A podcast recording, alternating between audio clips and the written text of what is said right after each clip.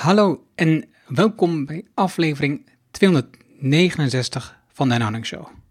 Waar je leert van ondernemers en ondernemende mensen die bijzondere resultaten bereiken, welke beslissingen ze genomen hebben om hier te komen, wat ze doen, de strategie en hoe ze klanten krijgen. Mijn naam is Arno Hanning en ik deel mijn opgedane kennis, ervaringen en expertise met jou. Ik coach ondernemers zodat ze stap voor stap de juiste beslissing nemen om uiteindelijk een gezonde groeimotor te creëren, zodat de onderneming vanzelf loopt. Hiervoor gebruik ik mijn ervaring met meer dan duizend klanten die met exact dezelfde uitdagingen zitten. Vandaag het gesprek met Bushra Talidi. Bushra is adviseur, spreker, trainer, change manager, coach en eigenaar van Inclusioncy. Een organisatie-adviesbureau voor diversiteit en inclusievraagstukken. Bushra heeft ruim 15 jaar ervaring met verbindingen en verandermanagement om duurzame diversiteit en inclusiebeleid te realiseren bij verschillende organisaties. Wat betekent diversiteit en hoe ontwikkel je inclusie in je bedrijf is de reden dat ik Boes heb benaderd voor het gesprek. We beginnen deze aflevering in Twente om uiteindelijk in Den Haag te eindigen. Ze vertelt hoe ze in haar jeugd vocht voor ongelijkheid en hoe ze geraakt werd door mensen die werden buitengesloten. Geen wonder dat ze rechten is gaan studeren om zich later te concentreren op diversiteit en inclusie bij verschillende organisaties. In dit gesprek vraag ik haar welk boek we zouden kunnen lezen om te verdiepen in dit onderwerp. Op dat moment schoot haar geen boek te binnen, maar ze heeft me een overzicht gestuurd. Ik noem er een paar. Heb je een boze moslim voor mij? Psychologische veiligheid, durf te leiden, mijn ontelbare identiteiten en anders dan anders. De boeken vind je ook in de show notes die deze aflevering hoort. Veel plezier met de inzichten van Bushra. Laten we beginnen. Welkom in de Erno Hamming Show. De podcast waarin je leert over de beslissingen om te groeien als ondernemer met je bedrijf. Luister naar de persoonlijke verhalen van succesvolle ondernemers en ondernemende mensen. Dan nu jouw business coach Erno Hamming. Uh, Bushra, ehm, ik, kijk, ik heb dit gesprek voorbereid ik heb veel dingen natuurlijk van je gezien en ik weet waarom jij eh, met je opleiding bent gestart. Maar als je nu luistert, dan weet je het natuurlijk niet. Dus kun je vertellen wat jou in jouw jeugd ertoe heeft gedreven om te starten aan jouw opleiding? Mijn opleiding tot rechter bedoel Juist. je? Ja, oké. Ja, ik, uh, nou, ik ben, uh, wat je zegt, hè, geboren en getogen in uh, Twente, in Enschede. En um, van Marokkaanse roots. Dus ik heb behoorlijk wat dingen zien voorbij komen. en um, ik ben, nou, zo nu en dan best wel uitgesloten, um, omdat ik anders ben. Zoals heel veel mensen uitgesloten, uitgesloten kunnen worden, omdat ze dan misschien net niet passen in uh, wat, wat normaal is. Um, nou was ik een uh, vechtertje. Ik heb letterlijk en figuurlijk echt enorm veel gevochten. om voor mezelf op te staan, om voor mijn familie op te staan, om voor anderen op te staan, omdat ik nooit tegen onrecht kom. Ik snap niet waarom je iemand niet wil zien voor wie hij of zij is als persoon. Um, en dat je iemand uitsluit puur om ja, iets wat helemaal niet toe doet. Hè? Waar, waar, uh, wat voor kleur haar je hebt, wat voor kleur huid je hebt. Um, en dat heeft me altijd gedreven in mijn leven. Want ik, ik, ik, ik, ik, ik gun niemand het gevoel dat je ergens niet bij hoort. Um, omdat ik iedereen oprecht mooi vind. En oprecht iedereen waardevol vind. En wie is die ander om wat te vinden van bijvoorbeeld uh, iemand met een handicap of iemand omdat je een vrouw bent? Of... Dus ik ben heel erg voor dat rechtvaardigheid. Um, um, en dat heeft ertoe geleid dat ik rechten ben gaan studeren. Um, ik wou opkomen voor die ander, degene die niet voor zichzelf kan op, opkomen. Ik heb ook gewerkt als arbeidsjurist. Um, met name voor medewerkers, werknemers. Ehm, dat is eigenlijk mijn drijfveer. Daar ben ik ook rechten gaan studeren. Ehm, en dat was wel. ehm, nou, ik heb het als arbeidsjurist voor heel veel mensen kunnen opkomen. Maar ik had het gevoel van, nou, ik wil, ik wil nog meer impact, impact maken. En toen ben ik naar het Rijk gegaan in 2006. Eh, bij de directie integratiebeleid ben ik toen gaan werken. Dat was toen onder Verdonk bij het ministerie van Justitie. Ehm, nou, en toen kwam ik heel veel dingen tegen, toch wel, op het vlak van integratie. Ehm, Kom, Ja. kom eens op. Kom ja. Heb je mensen ook werkelijk gewoon klappen gegeven omdat ze dingen zeiden? ja, zeker. Ik heb, nou ja, Want, je- want, want Ja. je- Ja. ehm, als kind. ja, maar je bent ook, jouw lengte is niet dat je dat mee hebt of zo. Nee, nee, nee, nee. Mensen waren ook wel verrast. Maar er kwam, er kwam echt een oerkracht. Er zit echt een oerkracht in mij als het om, om, om onrecht gaat.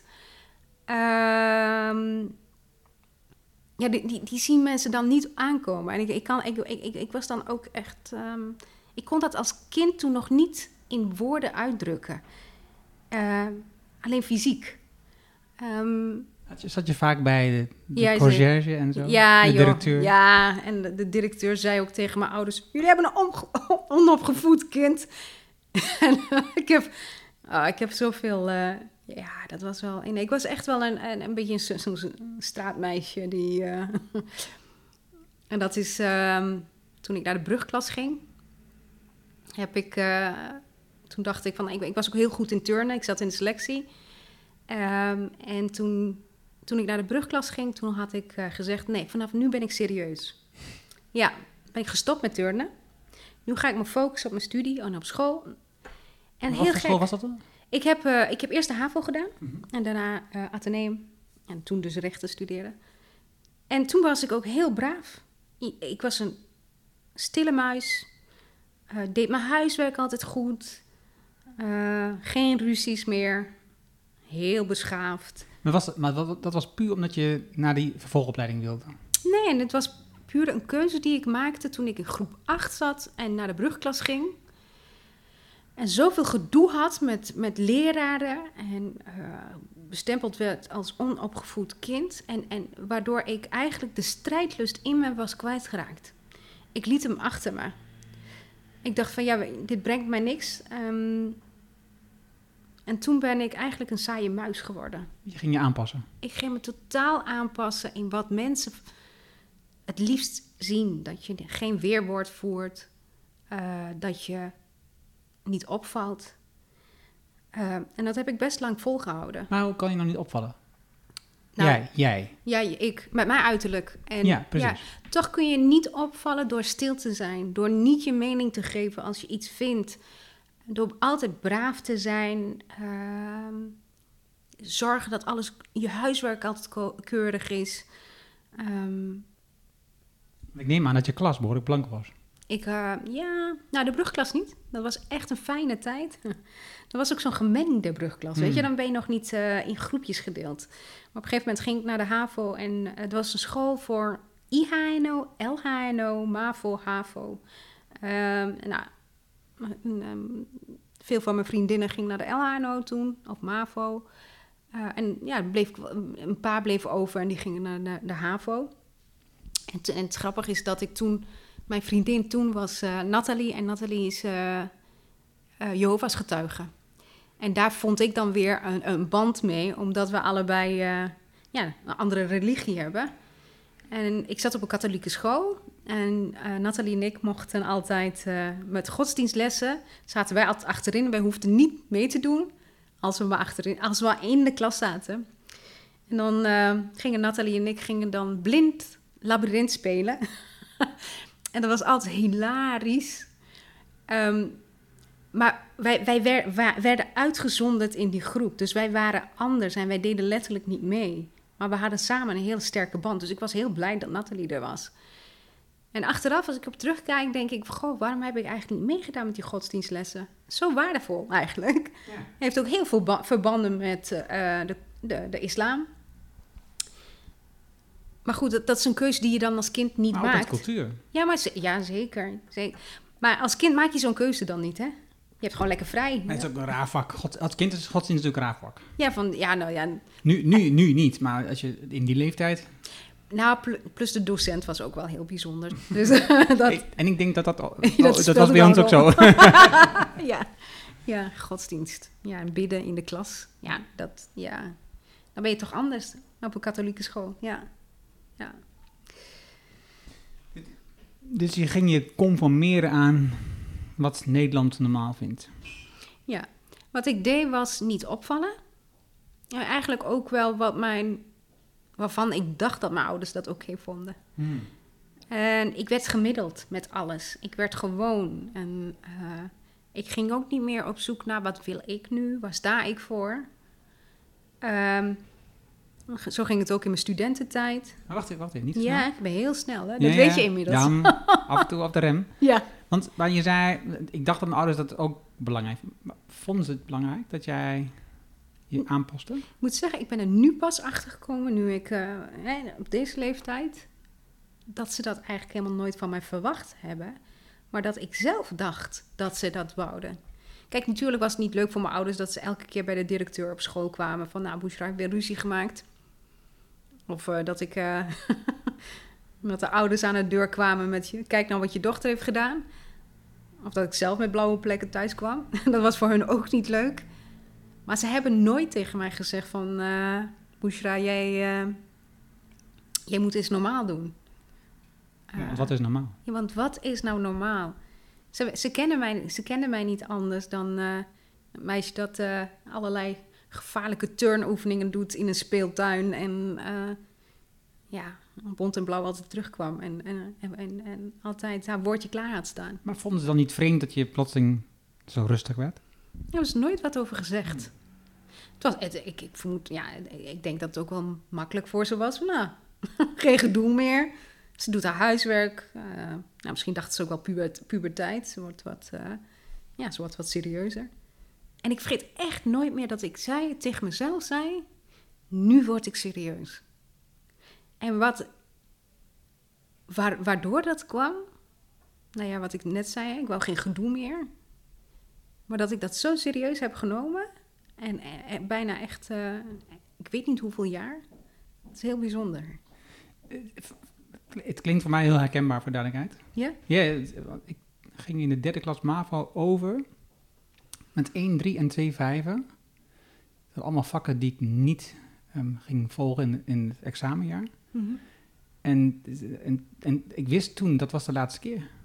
Vanaf nu is het gewoon over en uit. Ik weet mijn pad en ik ga gewoon dat pad volgen. Ja, En, te- en dat heb ik gedaan. ja, ja. Dus het, het is- een ver- vergelijkbaar iets. Ik weet niet wat dat was. Ja. Hetzelfde. Ik heb geen idee. Waardoor dat Nee. gekomen is. Nee. En misschien ga ik heel snel, maar ik ben op een gegeven moment bij mezelf wel weer terug. Heb mezelf teruggevonden. En dat is ook, eh, Wanneer was dat? Wanneer was dat? ja, dat is dus eigenlijk het moment dat ik eh, zelfstandig werd. Ik heb Dat is pas geleden. Dat is echt pas geleden.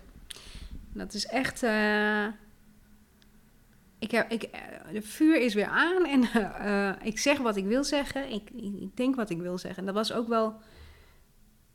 Want ik ben in november 2019 ben ik bij het Rijk gestopt. En daarvoor heb ik een opleiding gedaan van anderhalf jaar. Dat heel intensief eh, op mij gericht was. Van wie ben je, waar sta je voor?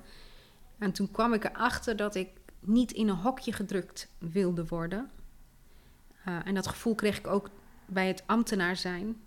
Ehm, en ik wou wat zeggen, met name over het onderwerp diversiteit en inclusie. En ik, ik, ik, ik, ik wil die, een, podium pakken en, ik wil mensen raken en ik wil het verschil maken. Ehm, omdat ik het nodig vind. En, ehm, dus die opleiding, intensieve opleiding op persoonlijk ontwikkelingsvlak heeft me enorm geholpen. In combinatie met dat ik aan mezelf ook ging werken. Ehm, door heel sterk aan mijn mindset te werken. Eh, van nou, eh, het filmpje van Why Not You, hoe heet hij nou? Uh, Ron? Eh, ja, Ron. Nou, ben ik hem nou weer. Ron Maar dat maakt niet uit. We maakt niet uit. Maar het zetten we eronder. Een YouTube-filmpje. Ik ging elke dag op de fiets naar het werk en, dat is, en dan luister ik een filmpje af en dat gaat, heet Why Not You. En het motiveerde mij om na te denken: waarom zou ik niet op de voorgrond mogen treden? Waarom zou ik niet het verschil mogen maken? Ik heb de hersenen, ik heb ervoor gestudeerd, ik heb wat te vertellen. En waarom hou ik mezelf nou zo klein? Dat was voor mij de boodschap elke keer weer op die fiets. En waardoor ik er elke keer over ging nadenken. Wie ben ik nou en wat wil ik eigenlijk wat wil ik nalaten als ik weg ben? En wat wil ik voor mijn kinderen? Wat wil ik voor mijn neefjes en nichtjes die uh, 16, 17 zijn en nu al te maken hebben met uitsluiting? Ehm, en dat heeft gemaakt dat ik een ondernemer ben gaan worden. Dat ik niet meer binnen een, een structuur, een, organisatiestructuur, een rijksoverheid wou werken waarin ik niet kon zeggen wat ik wou zeggen, maar moest zeggen wat een minister zegt of wat een secretaris-generaal zegt. Ehm, dus ik heb ja, onlangs weer mezelf weer herontdekt. En ik moet zeggen, sinds die tijd gaat het ook veel beter met me. Die hou ik vast. Maar even terug naar wat je net zei over je neefjes en nichten die nu al merken dat ze worden uitgesloten, mm buitengesloten. Is er dan in de tussentijd, in die afgelopen x jaar, het is niet zo belangrijk hoe lang dat is, weinig veranderd? Als het gaat om uitsluiting is er weinig veranderd. Wij mensen blijven dat doen gewoon. Dat zit in ons aard. En waarschijnlijk heeft dat te maken met onze eigen onzekerheid. Maar wat er wel veranderd is... Kijk, toen mijn ouders naar Nederland kwamen... spraken zij de taal niet. Dus zij konden niet voor ons opkomen. Uh, zij konden ons niet wegwijs maken. Ze deden hun best. Hè? Die eerste generatie deed hun best. Maar hadden ook het gevoel van... Oh, of we gaan terug, of ja, nou ja, we moeten wel dankbaar zijn. Hè? We zijn hier...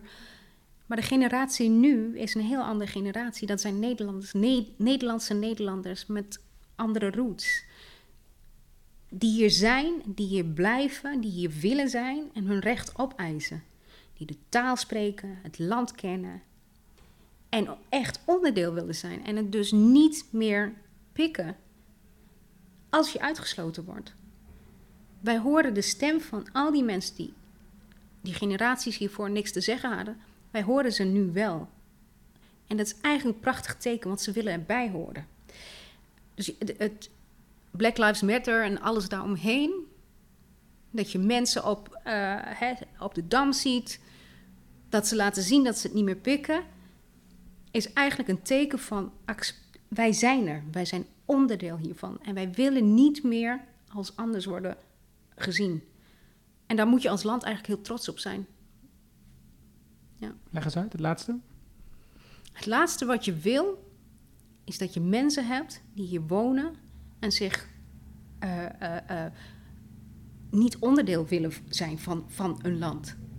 De taal niet willen leren, er niet bij willen horen. En wat die mensen op de dam doen, ik zeg maar, wij, wij trekken hier een streep. Wij horen erbij, wij staan hier omdat wij niet meer willen dat er onrecht is. Maar als dat je niks doet, dan wil je er ook niet echt bij zijn. Weet je, als je, dan trek je je terug. Dan, dan wil je niet onderdeel zijn van een samenleving. Dus zo.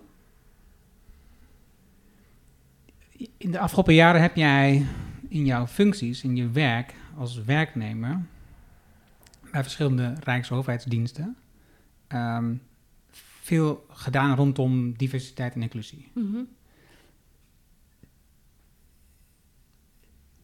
Wat is volgens jou daarvan het effect geweest dan?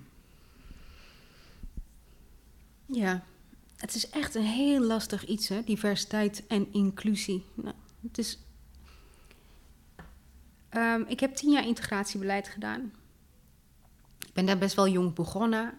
Um, Um, en ik heb verschillende programma's en projecten gezien. En wat mij met name opviel, uh, was bij mezelf dan dat ik bij een aantal onderwerpen met name aangehaakt wil blij blijven, omdat ik anders het gevoel had dat er verkeerd beleid zou worden gemaakt. Ik ga nu even op integratiebeleid. Ik heb bijvoorbeeld heb ik meegewerkt aan het verbod op het dragen van uh, gelaatsbedekkende kleding, ook wel bekend als het boerkaverbod. Um, dat was al vanaf 2006 ben ik daarmee bezig geweest. En ik vond het een heel lastig onderwerp, omdat ik geloof in vrijheid. In dat je vrij bent in hoe je je kleedt en in wat je gelooft. Ik vind het zelf niet. Ik zou, ik zou niet stimuleren dat je dan je gezicht bedekt. Maar goed, weet je, als jij ervoor kiest je mond te bedekken, wat we nu allemaal op straat doen, overigens, dan is dat aan jou.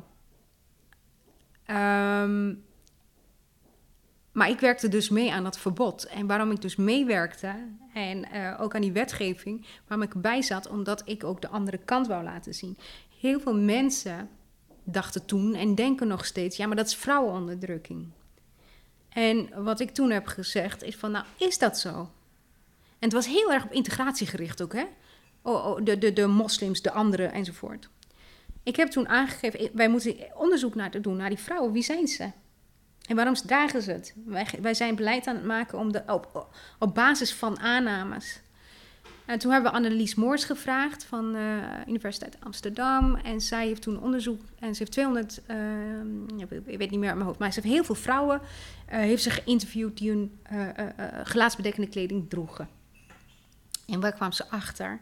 Dat een groot deel gewoon Nederlandse vrouwen zijn die bekeerd zijn tot de islam. Dat het een groot deel vrouwen zijn die hiervoor punkers waren, die ja, eigenlijk voor deze levenswijze zelf hebben gekozen en die zelfs hun mannen uh, daarin meenamen van, uh, ja, jij moet je ook maar eens, hè, ga jij maar, dat is geen onder, onderdrukte vrouwen.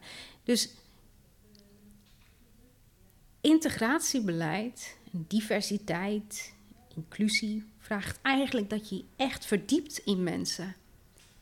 Dus dat je niet zaken gaat verzinnen. Daarom vind ik diversiteit bijvoorbeeld bij zo'n directie uh, integratiebeleid heel belangrijk. Dat ze diverse soorten mensen hebben. Mensen die weten hoe de samenleving in elkaar zit. Maar ook iemand hebben bijvoorbeeld die uh, op PVV stemt. Zodat je dat stukje samenleving ook in huis hebt. Zodat je echt iets, iets kan maken, echt beleid kan maken dat past bij wat er nodig is in Nederland. Um, en jou, jij vroeg mij eigenlijk van, nou, wat, ik ben misschien wat afgedwaald, maar, maar wat ik nu op dit moment met name merk, want ik ben heel erg bezig met die implementatie van diversiteitsbeleid. En waar de sleutel in zit, uh, naar mijn mening, is dat, uh, dat het topmanagement en de middenmanagers het onderwerp moeten dragen. Um, en ik zie het vaak bij een, enkel, een aantal leidinggevenden, zie ik, zie ik dat ze het echt, echt dragen. En dat ze het echt doen. En daar moet ik het altijd van hebben, van die mensen. Zij maken het verschil. Dus dat zijn de mensen die bijvoorbeeld zeggen van... nee, deze, uh, ik, ik kijk naar mijn team. Mijn team is niet divers. Dat heb ik nodig. Want ik moet uh, beleid maken voor iedereen. Of ik moet programma's maken die iedereen, meer mensen aanspreken...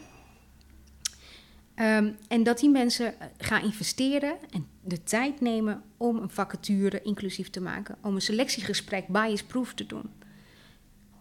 Je hebt gewoon, dat zijn de pareltjes. En ik, eh, ik, elke keer weer kom ik ze tegen. En dat zijn de mensen die keihard strijden. Zo sprak ik afgelopen, deze week nog, een, een, een leidinggevende...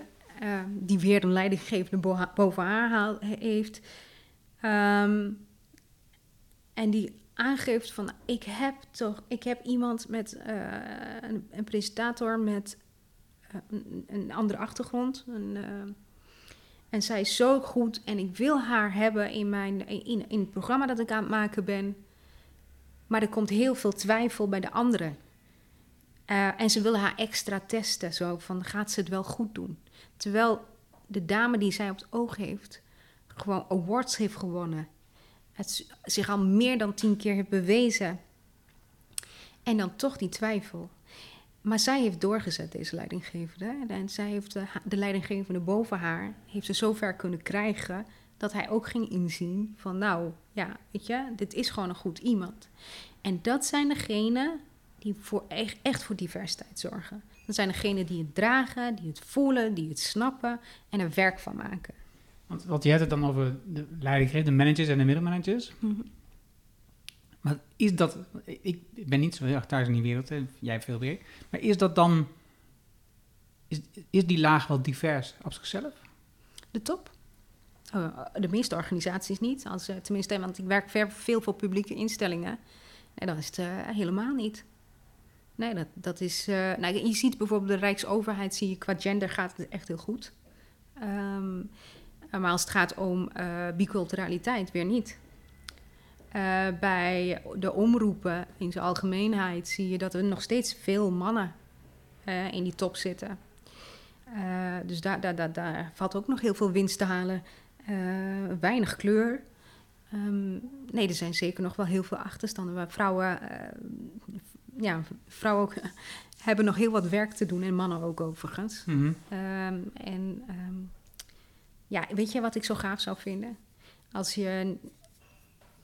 Want voor mij is diversiteit heel breed, hè? Dus alle vormen van diversiteit in denken en doen. Maar ook eh, hoe zie je eruit? Waarom, waarom zien wij als eh, zo, zo weinig mensen met een handicap in de top? Is niks mis mee, met de meeste handicapsvormen. Er is niks mis mee. Ik, ik werk bijvoorbeeld met de minister van Gehandicapten samen, eh, zaken. Eh, Rick Brink eh, werk ik nu heel veel samen bij KRO en CRV. En hij, ja, dat is de meest slimme man, die, ja, een van de slimste mensen die ik ooit ben tegengekomen. En ik heb zo'n respect voor dat hij, ondanks dat hij in een rolstoel zit, ja, ja goed, weet je, het is fysiek, mentaal is hij alles meer dan 100% eh, oké. Maar waarom zien we dat soort mensen niet nog meer in een top? Waarom niet? Omdat hij in een rolstoel zit. Hij heeft energie voor tien.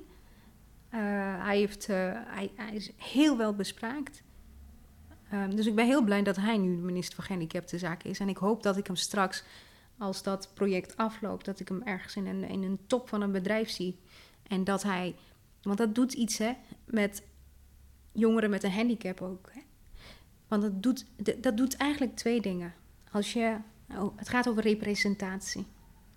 Dus aan de ene kant dat je dat ehm, iemand met een handicap, stel je hebt een jongetje en die heeft een handicap en hij ziet Rick Brink, wat voor geweldige dingen hij doet. En stel eh, Rick wordt minister van eh, OCW, ik zeg maar wat. En dat jochie kijkt naar Rick en denkt van, oh wauw, dat kan ik ook. Dat effect heeft het, maar het heeft nog een effect. Het, het kantelt ook de beeldvorming van ons allemaal, en met name die mensen die geen handicap hebben, over mensen met een handicap. Want het beeld heel, heel vaak nu, ik heb dat ooit eens een keertje besproken met eh, iemand, ehm, Katinka zit zelf in, eh, en zij zit in een rol- rolstoel. Het beeld wat we nu van mensen met een handicap hebben, is dat zij eh, meteen ook mentaal niet in orde zijn. Eh Katinka bijvoorbeeld, die is eh, spastisch. Nou, die, trekt af en toe, hè, die maakt van die bewegingen. Maar in haar hoofd zit alles goed. Maar ze werd elke keer weer niet aangekeken, eh, ehm, eh, niet serieus genomen. En dat beeld moet ook gaan kantelen. Dus representatie kan een heel veel verschil maken. Zie jij dat ehm, vrouwen hierin makkelijker acteren dan mannen? Ja, nou, het is wel echt een, zoveel vrouwen op dit onderwerp. Maar ik denk dat mannen, mannen, ik denk de combinatie mannen en vrouwen. Je hebt elke keer wel een ander soort strategie nodig. Soms neemt, nemen mensen eerder iets aan van mannen. Soms nemen mensen eerder iets aan van witte mannen. Maar soms nemen sommige mensen juist weer wat aan van een donkere vrouw. Ehm, i- eh, ik merk gewoon dat iedereen weer wat anders wil. Ehm, en dat bij iedereen wat anders aanslaat. Maar het zou wel heel fijn zijn als iets meer mannen, witte mannen, opstaan en zich gaan uitspreken. Ehm, want het gaat ook over hem, hè? Want ik, ehm, het, het kan best spannend zijn als je nu man bent in deze tijd. En eh, de, de ogen zijn wel op hun gericht. Zo van, eh, eh, ja, jullie zitten daar allemaal. Terwijl het niet daarom gaat. Het is niet dat je ze weg wilt. Je wilt ze eigenlijk helpen om iets moois neer te zetten. En je wil het samen doen. Dus we hebben die mannen ook nodig. Ehm, en we moeten ook het gesprek aangaan met hun van hoe is het nou voor jullie eh, dat die beweging nu zo tot stand komt. Eh, het is jarenlang vanzelfsprekend geweest dat, ehm, dat, dat we het niet hadden over eh, meer vrouwen in de top eh, of eh, meer eh, mensen met biculturele achtergrond in de top. maar dat gaat steeds meer gewoon worden, waardoor het voor een aantal mensen bedreigend kan worden. Maar wat, wat gebeurt met mijn positie? Dus het is wel heel belangrijk dat we daar ook over, over gaan praten. En dat maakt ook dat het goed is als ook mannen, witte mannen, zich over dit onderwerp gaan uitspreken. Dat het niet eng is. Je hoeft hier niet bang voor te zijn. Het is iets wat inclusie bijvoorbeeld, erbij horen, ertoe doen. Wie wil dat nou niet? En dat gaat ons allemaal aan. Ehm, dus, ja, dus ja, Ja, mooi. Ik, snap, ik snap het ook. Ik denk, ik denk dat er, je hebt twee manieren om hoger op te komen. En dat is dat je het samen doet. Of dat je de rest naar beneden drukt. Ja. En in die laatste is niet zo fijn. Nee, en we hebben elkaar echt hierin nodig. We hebben elkaar echt in, eh, nodig. En het, is niet dat we elkaar willen afvallen, dat de ene groep het beter wil doen dan de ander.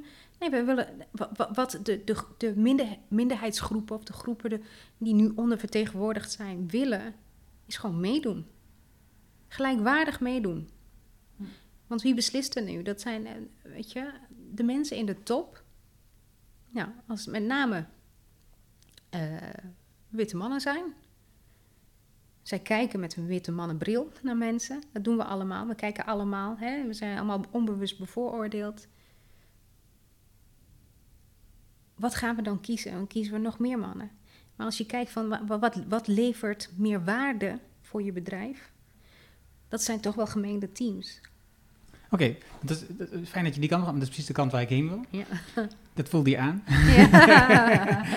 Nee, maar stel je bent nu ondernemer van een klein bedrijf. Mhm. En ehm, je hebt twee collega's, twee medewerkers in je team. En je staat op het punt om een derde aan te nemen. Mhm. En ehm, hoe zorg je er nu voor dat je zelf de diversiteit opzoekt in de sollicitatie?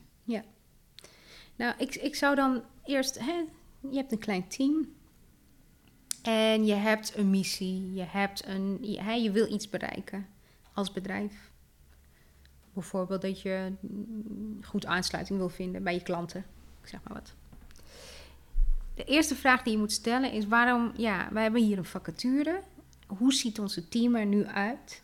En wat, wat hebben wij nodig om ons team aan te vullen? Waarom willen wij, wat voor soort type mens ontbreekt er nog? Wat is complementair? Wat, wat, wat ontbreekt? Ehm, dus het gaat ook om de vraag: waarom vind je zelf diversiteit belangrijk? Die vraag wordt heel weinig gesteld. Van wa- waarom is nou belangrijk? Waar moeten we het over hebben? Waarom moeten we over dit?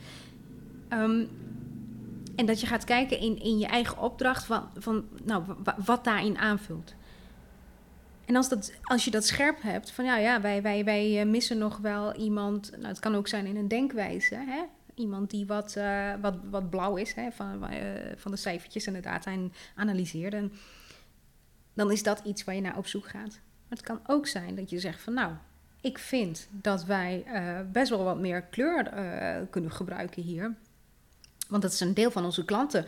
Eh, die moeten zich ook herkennen in ons. En wij hebben wat input nodig van die ander. En daarbij moet je wel uitkijken. Want eh, bijvoorbeeld, ik ben getrouwd met Bastiaan. Bastiaan is een witte man. Maar Bas en ik zijn al twintig jaar bij elkaar. En Bastiaan is bijna een halve Marokkaan. Dus hij kan ook die input. En zo kun je ook mensen met een donkere uiterlijk hebben. die niet die kennis hebben van, van andere groepen. Dus je moet blijf altijd naar die individuen kijken. Maar als je op het moment dat je een vacature uitzet en je weet wat je wilt en wat je zoekt, eh, dan, dan zet je daar, eh, dan zorg je ervoor dat dat terugkomt in je vacatures ook. Een vacaturetekst. Ehm, stel, je, maar stel je zegt van nou ja, ik wil juist wat meer vrouwen en ik wil wat eh, eh, meer mensen met een biculturele achtergrond. Dan helpt het als je niet te veel competenties opneemt. Want vrouwen eh, schrikken eerder af van he- een hele waslijst met competenties waar je aan moet voldoen. In, in, in tegenstelling tot mannen die zichzelf eerder een cadeautje vinden. Van, nou, doe je, dat kan ik. Check, check, check. Ja, bluff ik me wel doorheen. En dus dan moet je je daarop gaan focussen. Dus dat wat je nodig hebt, denk vooraf na. Wat heb nodig? Stel, stel je zoekt kleur. Hoe, Mhm. hoe, hoe, hoe verwerk ik dat in een vacaturetekst? Verbinding is bijvoorbeeld wel een hele goede, verbindend. Maar je kunt ook zeggen, en dat gebeurt heel weinig, eh, dat je bijvoorbeeld iemand zoekt met een, eh, een, een breed netwerk in hè, bepaalde gemeenschappen. Of stel je zegt van nou, iemand die, die goed is in interculturele communicatie. Ehm, en dan komt het ook aan op, nou, wat, wat- ook helpt, is een goede statement, een inclusieve statement. Wij willen anders eh, een soort mensen bereiken. Wij willen diversiteit, want, en hè, dat je het voor je eigen eh, organisatie invult. Ehm, maar dan komt het ook op de arbeidsmarktcommunicatiekanalen die je gaat gebruiken. Ga je het weer op dezelfde platform zetten waar je het altijd al hebt gezet? Of ga je nu kiezen voor, ga je bijvoorbeeld een diversiteitsrecruiter ja, inschakelen die met je meedenkt en, voor die massa gaat zorgen? Of je gaat, eh, je hebt heel veel van dat eh, bureaus die je daarbij kunnen helpen. Eh, een kleurrijke top 100, eh, Atana, Binoc, Diversity Recruitment. Ehm, die kun je er allemaal bij helpen. Dus als dat echt jouw zoektocht is, schakel hulp in. En doe niet, blijf niet hetzelfde doen wat je deed. Dan krijg je, hè, dan, dan, dan- Dan krijg je wat je altijd had. dan krijg je wat je al. Ik, ik heb hem al vaker gezegd en ik zeg hem altijd weer fout. Dan krijg je wat je altijd al had. Die, ja. Dus weten wat je wil. En waarom. Mooi. Ja. Eh, jij bent, zoals je net al zei, eh, vorig jaar voor jezelf begonnen met je bedrijf. En je gaat nu zelfs uitbreiden. Je geeft presentaties, workshops over dit onderwerp. Wat is tot nu toe het meest spannende wat je hebt gedaan? In mijn leven, Nee, als ondernemer? als ondernemer. Ja, gewoon het ondernemer worden zelf. je vaste baan opgeven. De onzekerheid, gaat het wel lukken? Ehm, wat ik ook wel spannend vind nu als ondernemer is... Oké, als er eh, elke keer als er een opdracht mijn kant uitkomt... Ga ik nee zeggen? Ik, ik, kan, ik kan gewoon nog geen nee zeggen. Want eh, ja, ja blijft, het zo lopen, blijft het zo lopen zoals het nu loopt? Ehm, ja, nou, ik vind eigenlijk de stap om ondernemer te worden en mijn contract of mijn vaste baan opzeggen was het meest spannende, maar tegelijkertijd het meest bevrijd- bev- hè, bevrijdende wat ik ooit heb gedaan. Want ik heb, een, eh, ik, heb, ik heb dat op film staan zelfs, dat ik op het knopje druk en dat ik mijn ontslag neem. en elke keer als ik naar dat filmpje kijk en, en, de, de innerlijke blijdschap terugzie, dan denk ik, oh ja, dat is al zo fijn. Ja, dat je, dat je ook iets loslaat. Maar goed. En gelukkig eh, pakt het tot nog toe heel goed uit. Ja.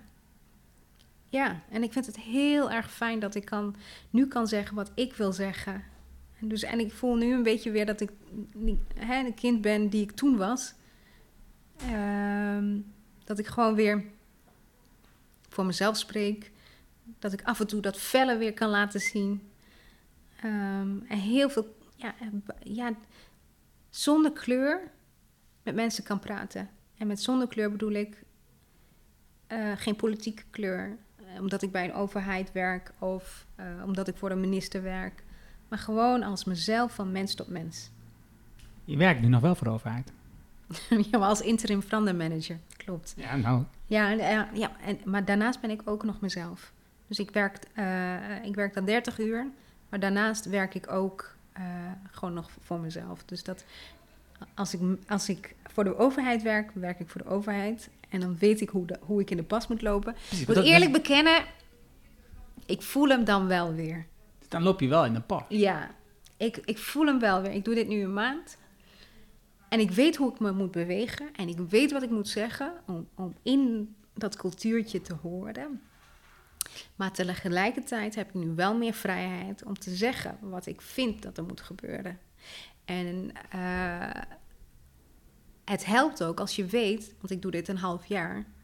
Na een half jaar ben ik weg. Ik wil iets neergezet hebben. En da- dan, dan moet je soms iets op scherp zetten. Ehm, maar af en toe helpt het als je even weer teruggaat in die strategie. En hoe doen ze dat en hoe hoort dat? Om dingen voor elkaar te krijgen. Ehm, want het is een heel gevoelig onderwerp. Het is echt. eh, ehm, het gaat niet snel genoeg voor sommigen. En voor sommigen gaat, gaat het gewoon, gewoon echt te snel. En je moet elke keer weer schakelen in, in, in, in, snelheid. Van nou, wat zet ik nu neer? Wat is de scope van je opdracht? Eh, zorgen dat eh, er meer diversiteit is en werken aan inclusiviteit. Ehm, maar met name eh, dat, je, dat ik zorg dat ehm, alles helder is. Ik ben echt van het, dat doe ik bij alle organisaties, wat ik doe is terug naar de basis. Wat zijn de data? Wat weten we? Hoe ziet de organisatie eruit? Wat is het nulpunt? Hoe staat het met het aantal vrouwen? Oh, het aantal mannen? Hoe voelen mensen zich? De, de mate van inclusiviteit. Zijn er MTO-onderzoeken? Zijn er andere onderzoeken geweest waardoor we weten hoe mensen zich voelen? Zo niet, dan zet je die onderzoeken in. Uh, ontbreekt er nog data? Weten we hoe het zit met biculturele diversiteit? Westers, niet-westers, noem maar op. Ik zet de data eerst op, op, een rijtje. Daarnaast zet ik de afspraken en de ambities. Wat hebben we nou afgesproken? Waar willen we naartoe? Wanneer doen we het goed? En voor elke organisatie kan dat anders zijn. En ook de vraag weer van, nou, waarom vinden wij dit belangrijk vanuit het bestuur en gedragen door iedereen binnen de organisatie? Want het is echt iets van, van, van boven naar beneden. Het gaat de hele organisatie aan het onderwerp. Dus ik heb de data, ik heb de afspraken. Bijvoorbeeld bij de Rijksoverheid, als je kijkt naar het strategisch personeelsplan Rijk 2025, daar staan uh, duidelijk afspraken die gehaald moeten worden. Um, en, er zijn ook andere ambities geformuleerd. Nou, als je dat tegen elkaar zet en je weet van oké, ik sta nu hier en daar moet ik naartoe. Dan ga je kijken, nou, welke activiteiten doen we nu allemaal om, om, om die afspraken te behalen? Um, helpt dat? Wat hebben we nog extra nodig? Dat sorteren helpt een organisatie al enorm. Want misschien doe je het al goed. En als je het niet goed doet, waarom zou je met allerlei losse vlodders op een organisatie schieten? Terwijl je gefocust moet zijn op dat ene, want daar gaat het niet goed. Dus als je een LHBTI-gemeenschap hebt binnen een bedrijf en uit gesprekken met een vertrouwenspersoon of uit de inclusieonderzoek blijkt dat zij gepest weggezet worden, gepest worden enzovoort, dan ga je daarover hebben. Dan ga je niet over iedereen en alles. Nee, dan wil je daar, wat zit er nou waarom, we, waarom juist deze groep het moeilijk heeft. Dus dat is mijn strategie. Het in kaart brengen en dan gefocust die aanpak hebben. Dus heb je te weinig instroom? Hoe zit het dan met je werving- en selectieprocedure? Um, ja. Wat is een half jaar dan wel voldoende? Waarschijnlijk niet. Maar ik, uh, ik, ik, alles wat ik doe, bekijk ik met de bril van borgen. Ik wil dat alles wat er gebeurt, dat je dat in het systeem van de organisatie krijgt. Dus dat je bijvoorbeeld afspraken in een planning- en controlecyclus krijgt.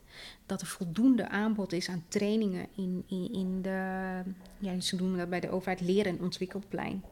Dat de werving- en selectieprocedure, hoe je dat inclusiever doet, gewoon standaard in alle uh, uh, systemen zit.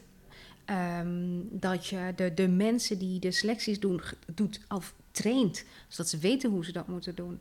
Dus ik, ik, ik pak alles aan met het idee van hoe zorg je ervoor dat als ik weg ben, ik heb bijvoorbeeld ook een ZZP'er in het programma, uh, zij houdt zich bezig met communicatie. Uh, en zij zet zich ook heel erg in op hoe zorg ik ervoor dat de zittende communicatieadviseurs de kennis overgedragen krijgen. Ja, dus een half jaar is, is niet voldoende, dit moet door. Maar ik kijk wel uh, vanuit een, ja, hoe, hoe borg je het, verduurzaam je zoiets. Uh, met, die bril kijk ik en werk ik. En wat is dat bij KRO-NCV? Want is dat dan een hele andere opdracht? Nee, het is vergelijkbaar. Hmm. Dat is eigenlijk om te op hetzelfde neer. Uh, waarbij nog sterker het verschil... Want ik maak ook onderscheid tussen twee dingen. Intern, de bedrijfsvoering. Hoe ziet je organisatie eruit? En twee, de uitingen. En dan kun je voor de Rijksoverheid gaat het bijvoorbeeld ook over het beleid maken. Hè? Dus dat je, maar bij televisie gaat het heel sterk om, zie je ook uh, in je media-uiting de diversiteit en inclusiviteit terug? Zijn er verschillende soorten presentatoren? Um, zijn het onderwerpen die verschillende soorten mensen aanspreken? Um, gebruiken we de, de juiste termen? Uh, wat ik ook heel interessant vind, is bijvoorbeeld, uh, zijn er bijvoorbeeld bij een, een, televisieprogramma ook mensen aan tafel uh, die niet, bijvoorbeeld, jij hebt iemand met een handicap. Vaak als een mens, iemand dan op televisie in beeld is en die persoon heeft een handicap, waar heeft hij of zij het over? over zijn handicap. Cap. Als iemand eh, donker is gaat vaak over diversiteit, inclusie, dat soort. Maar het is zoveel sterker als je iemand aan tafel hebt met een handicap die komt te vertellen over eh, onderwijs. Eh, iemand met een andere culturele achtergrond die komt te vertellen over AI. Ehm, dus daar werk ik ook aan. Dus dat je iets doet met die beeldvorming. Wat ik al net zei, hè, die representatie, dat je de beeld kantelt, dat, dat, dat je mensen niet in hokjes drukt. En dat je voor onze kinderen, dat ze, dat ze, dat ze ook kunnen zien van, oh ja, dat, dat kan ik ook worden. Dat, dat kan ik ook zijn. En niet alleen de kinderen, weet je. Dat is, ja, dat vind ik heel belangrijk. Ja, daar vroeg ik, daarom vroeg ik naar, want ik was dus benieuwd of het puur over het interne ging of juist ook over Ja. eh, wat je in beeld krijgt. Het gaat dus Ja. over beide. Dan Beide. dan was ik dus benieuwd naar. Ja, aan beide. Nu vertel je net dat jij, aan mij voor duidelijkheid, dat dit, dat dit alleen al 40 uur van je werkweek is. Eh, deze twee opdrachten. Ja. En daarnaast ehm, geef je presentaties, workshops en dat soort dingen. Hoe zie je de verdeling in de toekomst? Dat je, ja. dat je mensen opleidt, praat, traint, workshops geeft? Of dat je interimklussen doet? Waar zie je het aan toe groeien? Ik ga geen eh interim klussen meer doen. Omdat ik... eh, ik vind het, ik vind het heel, heel, heel mooi om te doen hoor. Want ik, ik vind ook door het doen van interim opdrachten... Want ik heb me- meerdere organisaties al voorbij zien komen natuurlijk. Maar daardoor... Je, er zijn te veel mensen die alleen maar praten over hoe je het moet doen. Of eh, en, eh, een mooie show daar, daaromheen houden. Van nou, eh, zo en zo zou je moeten doen. Maar de praktijk is anders. Als jij een diversiteitsmanager bent, dan kom je zoveel verschillende dingen tegen. En daar leerde ik heel veel van. En daardoor weet ik ook wat wel en niet werkt. Ehm, dus niet alleen langs de zijlijn roepen hoe het zou moeten volgens de wetenschap en de theorie. Nee, dit is de praktijk. Bijvoorbeeld, wat er bijvoorbeeld vaak wordt gezegd van ja, ehm, ja, er komt geen signalen bij de vertrouwenspersoon. Ja, maar zo werkt het niet. Mensen gaan niet naar vertrouwenspersonen. Doen ze niet. Als ze echt te maken hebben met uitsluiting eh, of eh, eh, gepest worden of wat dan ook, hè, waardoor ze niet het gevoel hebben van nou, ik, ik kan mezelf zijn, ik hoor erbij, ik word, ja, het gevoel hebben dat ze uitgesloten worden, dan durven ze die stap naar die vertrouwenspersoon niet te maken. Maar wat ze wel doen, ze komen naar mij toe. En dat is zo moeilijk. Maar dan weet je wel veel meer dan wat de or- gewoon al doordat ik daar ben, dan wat de organisatie normaal gesproken te horen zou, eh, ook zou zien. eh, uitsluitend op basis van onderzoeken en vertrouwenspersonen. Dus er zit. Ga ik interim opdrachten doen? Ja, maar niet via mij. Ik zou heel graag mensen willen op, eh, opleiden straks. eh, ehm, en willen helpen, zodat zij straks die interim opdrachten kunnen doen eh, eh, binnen mijn bedrijf. En ik zou me nog iets ja, meer de kennis, mijn kennis willen delen. De praktische dingen, hoe je, hoe je het beste kunt aanpakken. Hoe, zie, hoe zie je het voor je? Och, ik vind het zo lastig, want ik zit zo in het nu nog. Want wat ik, wat ik je zei, ik ben nog geen jaar. Ik ben nog geen ja, jaar daarom bezig. vraag ik het. Ja, ja, moet ik nu over, iets nadenken? Goed, dan is dat echt zo even... Het kan best zijn dat het anders loopt, Dat maakt niet uit. maar een beetje... Een disclaimer gelijk eronder. Ja, precies. Ik zeg ja, wel, dus, nee, ik, eh, ik, ik, ik, ik stop met interim opdrachten. Zo zou ik het eh, na een, hal, een half jaar. Ehm, en dan wil ik mensen graag ehm, in dienst hebben die de interim opdrachten uitvoeren. Waarbij eh, ik mijn kennis met hen deel. Ehm, en daarnaast wil ik. Ik doe ook wat aan coaching. Ik coach veel vrouwen met biculturele achtergrond. Veel vrouwen is overdreven, maar een aantal vrouwen. En dat vind ik het allermooiste en dankbaarste. En dat zou ik wel wat meer willen doen. Om ze op weg te helpen, om ze dat duwtje te geven. Om ze gewoon simpele dingen mee te geven. Bijvoorbeeld door elke avond. maar hè, wij, bidden vijf keer per dag. Of een aantal moslims bidden eh, vijf keer per dag. Om dan ze gewoon als tip mee te geven. Oké, als je klaar bent met bidden, dan doen we een dua. Dan mag je iets vragen. Ehm, dan geef ik als tip mee. Benoem de dingen, drie dingen waar je dankbaar voor bent. Gewoon die vijf keer per dag dat je bidt. En dat doet iets met je hele leven. Het, het, het, het, het maakt je. Het kan je leven zo veranderen door positief te gaan kijken naar wat je hebt. En wat er is en wat er mogelijk is. En ik geloof ook in dat. ehm, dat je als je. Dat, dat je ook een droom moet hebben. Want ik had nooit gedacht dat ik het zo goed zou doen. Ik vond het super spannend. Maar ik had wel voor ogen. Ik ga, weet je, ik ga het gewoon goed doen. Ik ga, ja. Ik ik was bang, maar ik had wel voorgenomen. Ik ga het hartstikke goed doen. En ik heb voor mezelf ook een bedrag, een omzet. Zoveel ga ik verdienen. Ehm, en Hoe ver weg ben je van dat bedrag? ik ga niet. Nee, maar Nee, het, gaat me niet, om, het gaat me niet om het geld, maar het gaat me wel om dat ik ervan leef. En dat ik. eh, nou, ik, ik ben verder voorbij dat bedrag. Dus dat kan ik wel zeggen. Dus ik, ik, ik, ik leef en ik. En dat is het ook, hè? Ik ben weggegaan bij het Rijk omdat ik eh, na die opleiding, dat heb ik je verteld. Maar wat ook meespeelde was dat ik me niet gewaardeerd voelde. Ik heb, eh, bij, er wordt gewerkt met schalen hè, binnen het Rijk. En ik heb een opleiding gedaan tot manager. Best wel een zware, dure opleiding. Niet, een opleiding van anderhalf jaar. Leeratelier leidinggevende. En eh, ja, ik, ik, ik, ik, nou, ik werkte keihard. En ik bleef maar op die ene schaal. Er werd me wel een worstje voor de neus gehouden. En de top, top, top, top mensen binnen het ministerie zeiden ook wel... oh, jij functioneert al lang op die eh, schaal. Maar die, die, die schaal kreeg ik niet. En het ging me, die extra schaal. Ik kreeg wel een toelage boven die schaal. Want ik functioneerde wel, maar we doen het niet. En het ging me niet om de schaal. Het ging me niet om het geld. Maar het ging me om de waardering. Dat, dat wat ik deed oké was en goed was. Ehm, en nu ik daar weg ben, ik ben af van het schalensysteem. En ik voel de waardering gewoon in de gesprekken die ik voer met mensen. Ik voel de waardering in dat ik andere mensen blij zie worden. Of dat, hè, dat, ze hun ei bij mij kwijt kunnen. Ik voel, ik voel die waardering. En ik ben niet meer, ik word niet in een schaalhokje gedrukt. Nee, ik ben Bushra en ik doe mijn best. En ik probeer een verschil te maken. Ehm, en dat is ook wel heel bevrijdend. En ehm, ja, wat dat betreft ben ik heel blij, dat ik nu ondernemer ben.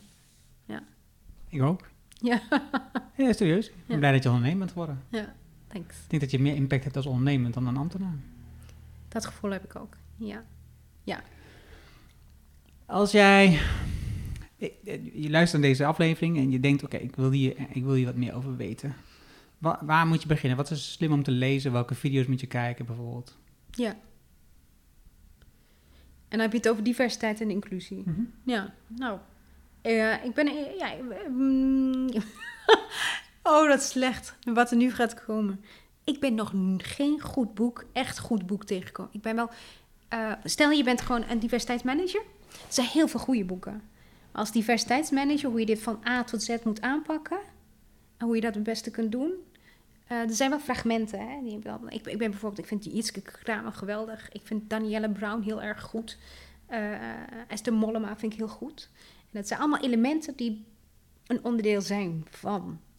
Ehm, maar hoe je dit als eh, diversiteitsmanager van begin tot eind moet doen, dat ben ik nog nergens tegengekomen. Maar ik, ik ben een ondernemer. Jij bent ondernemer.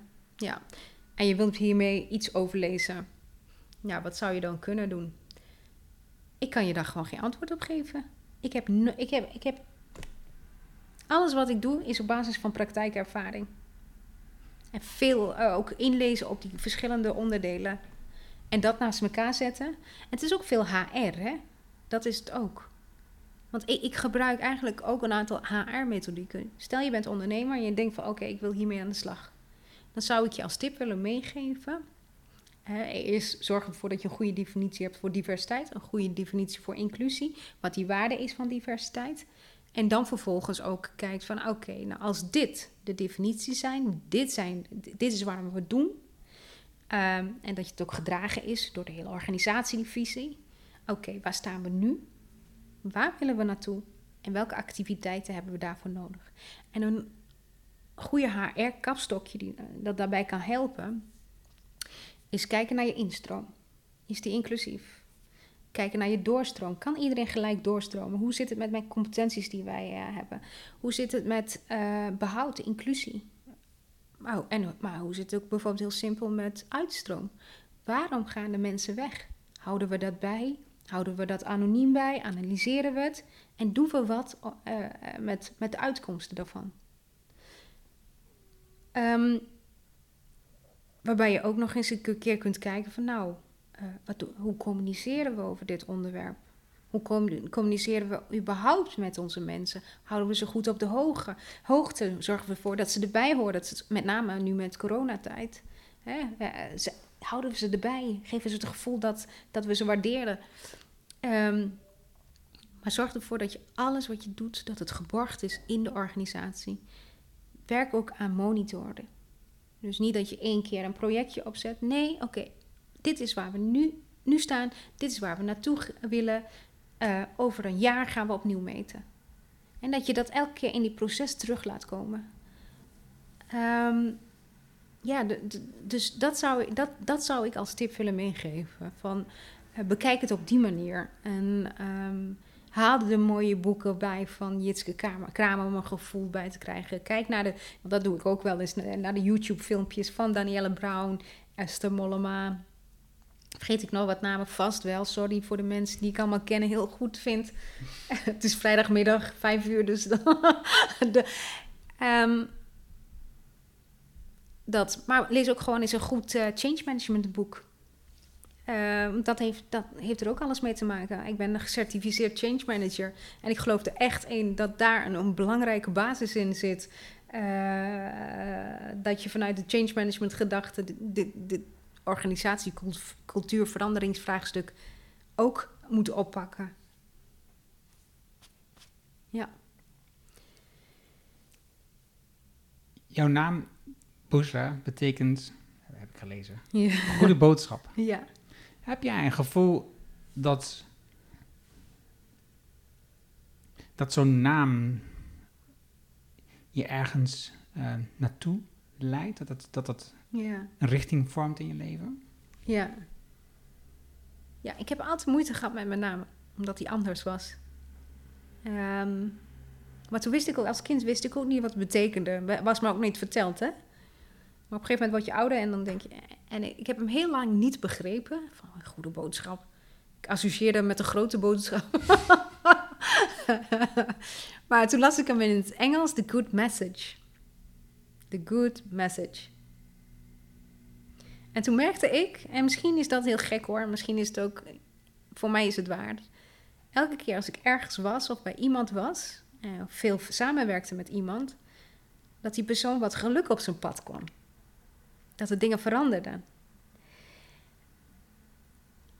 En dat heeft er wel ja, aan bijgedragen dat ik trotser ben op mijn naam, die vaak verkeerd uitgesproken wordt door Boegra, wat een heel fout iets is in Marokkaans. Een heel vies woordje. dus ik ben Bushra, geen Boegra. En um, Blij dat ik me goed heb uh, ingeluisterd. ik werd net nog in een, in, in, Ik had net een online gesprek met iemand in, en, en voor een. Uh, hoe noem je dat? ik ga een presentatie houden en dan zei ze de hele tijd Boegra, Boegra. Ik zei één ding, ik heet geen Boegra, ik heet echt Bushra. En dat betekent een goede boodschap. En ja, maar ik denk wel op het moment dat je weet waar, wat je nou betekent, dat het op de een of andere manier associeer, associeer je dat dan ook met je leven. Als je iets ziet, daar gaat het om, weet je? Als je iets ziet, als je iets denkt, dan ga je daarna leven. En daarom geloof ik ook in positief denken. Als jij je alleen maar focust op de lelijke, negatieve dingen, dan zijn dat de dingen die in jouw leven een grote rol gaan spelen. Focus je op de mooie dingen, de goede dingen, dan zijn dat de dingen die je blijft zien.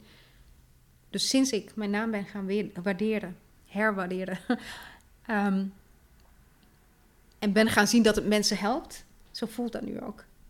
Ja. Laatste vraag.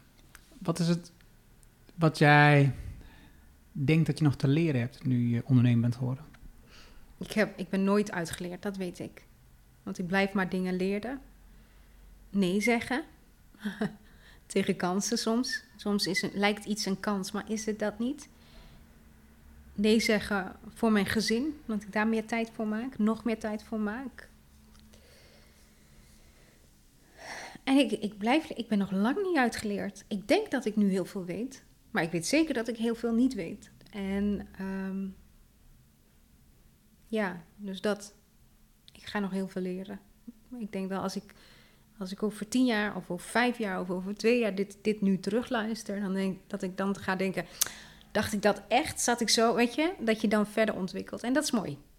Dat je niet stilstaat. Ja. Ja, ik hou er ook van. Ik vind altijd denken, als je, als je nu tien jaar terugkijkt, dan denk je, jezus, wat heb ik veel geleerd in die tijd. Ja. Dus, wat was ik onwetend. Ik heb zo verschrikkelijk veel geleerd. Ja. Maar als je tien jaar vooruit kijkt, denk je, ja, ik ga niet zoveel meer leren. Ik weet, ik weet al zoveel. Ja. Ik ga waarschijnlijk niet zoveel leren als dat ik tien jaar heb geleerd. Maar dat, dat is over tien jaar exact hetzelfde gevoel. Dus je, je leert nog zoveel bij. ja. Dat is zo mooi. Boesra, waar gaan mensen jou vinden? Waar moeten ze jou vinden? Nou, mijn bedrijf heet Inclusioncy. Eh, zo heet mijn website ook, dus www.inclusioncy.nl. Eh, LinkedIn ben ik heel goed bereikbaar, Bushra Talidi. Niet Bushra Talidi, maar Bushra Talidi. En eh, nou, ik ja, sta open voor allerlei leuke dingen. Ja, je ik zegt dan steeds vaker nee, maar En goed, ik ga wel niet- vaker nee zeggen, maar dat maakt niet uit. Super, dankjewel voor het gesprek. Ik heb er veel van geleerd en daarvoor was ik hier. Ja, super veel dank voor het interview. Dankjewel Erno. Tot in Twente. Dat was het gave gesprek met Bushra. Je vindt de namen en links die we noemden in het artikel dat bij deze uitzending hoort. Ga daarvoor naar ernohanning.nl slash show 269. Wil je vanzelf de volgende afleveringen op jouw telefoon krijgen? Dat kan heel eenvoudig. Heb je een iPhone, dan zit daar standaard de Apple Podcast app op. Open deze app, zoek de Show op en klik op abonneer. Heb je een Android-telefoon, ook eenvoudig, installeer dan eerst bijvoorbeeld de Player FM app. Open de app, zoek op Ernohanning Show en klik op abonneer. Dankjewel alvast. Heb je vragen, opmerkingen, reacties over deze aflevering met Bushra of over de podcast in het algemeen? Stuur dan een e-mail naar podcast.ernohanning.nl Dan weet ik dat het over de podcast gaat. Ik hoor super graag van jou. Wil je leren hoe je stap voor stap de groeimotor van je bedrijf versnelt? Wil je veel meer werken aan taken die nog niet urgent, maar wel belangrijk zijn? En wil je leren hoe je het beslissingenboek gebruikt om je beslissingen te verbeteren? Vraag dan het boek Betere Beslissingen, Betere Ondernemen aan op ernohanning.nl. Dit is mijn nieuwste boek en je downloadt het helemaal gratis. Je hebt zelfs geen e-mailadres nodig. Wil je de papieren versie? Dat kan ook. Je betaalt dan alleen de verzendkosten. Het boekje blijft gratis. Vraag jouw boekje nu aan op ernohanning.nl. En je leest het in één avond uit. Dankjewel voor het luisteren en graag tot de volgende. Dankjewel voor het luisteren naar de Erno Hanning Show op ernohanning.nl.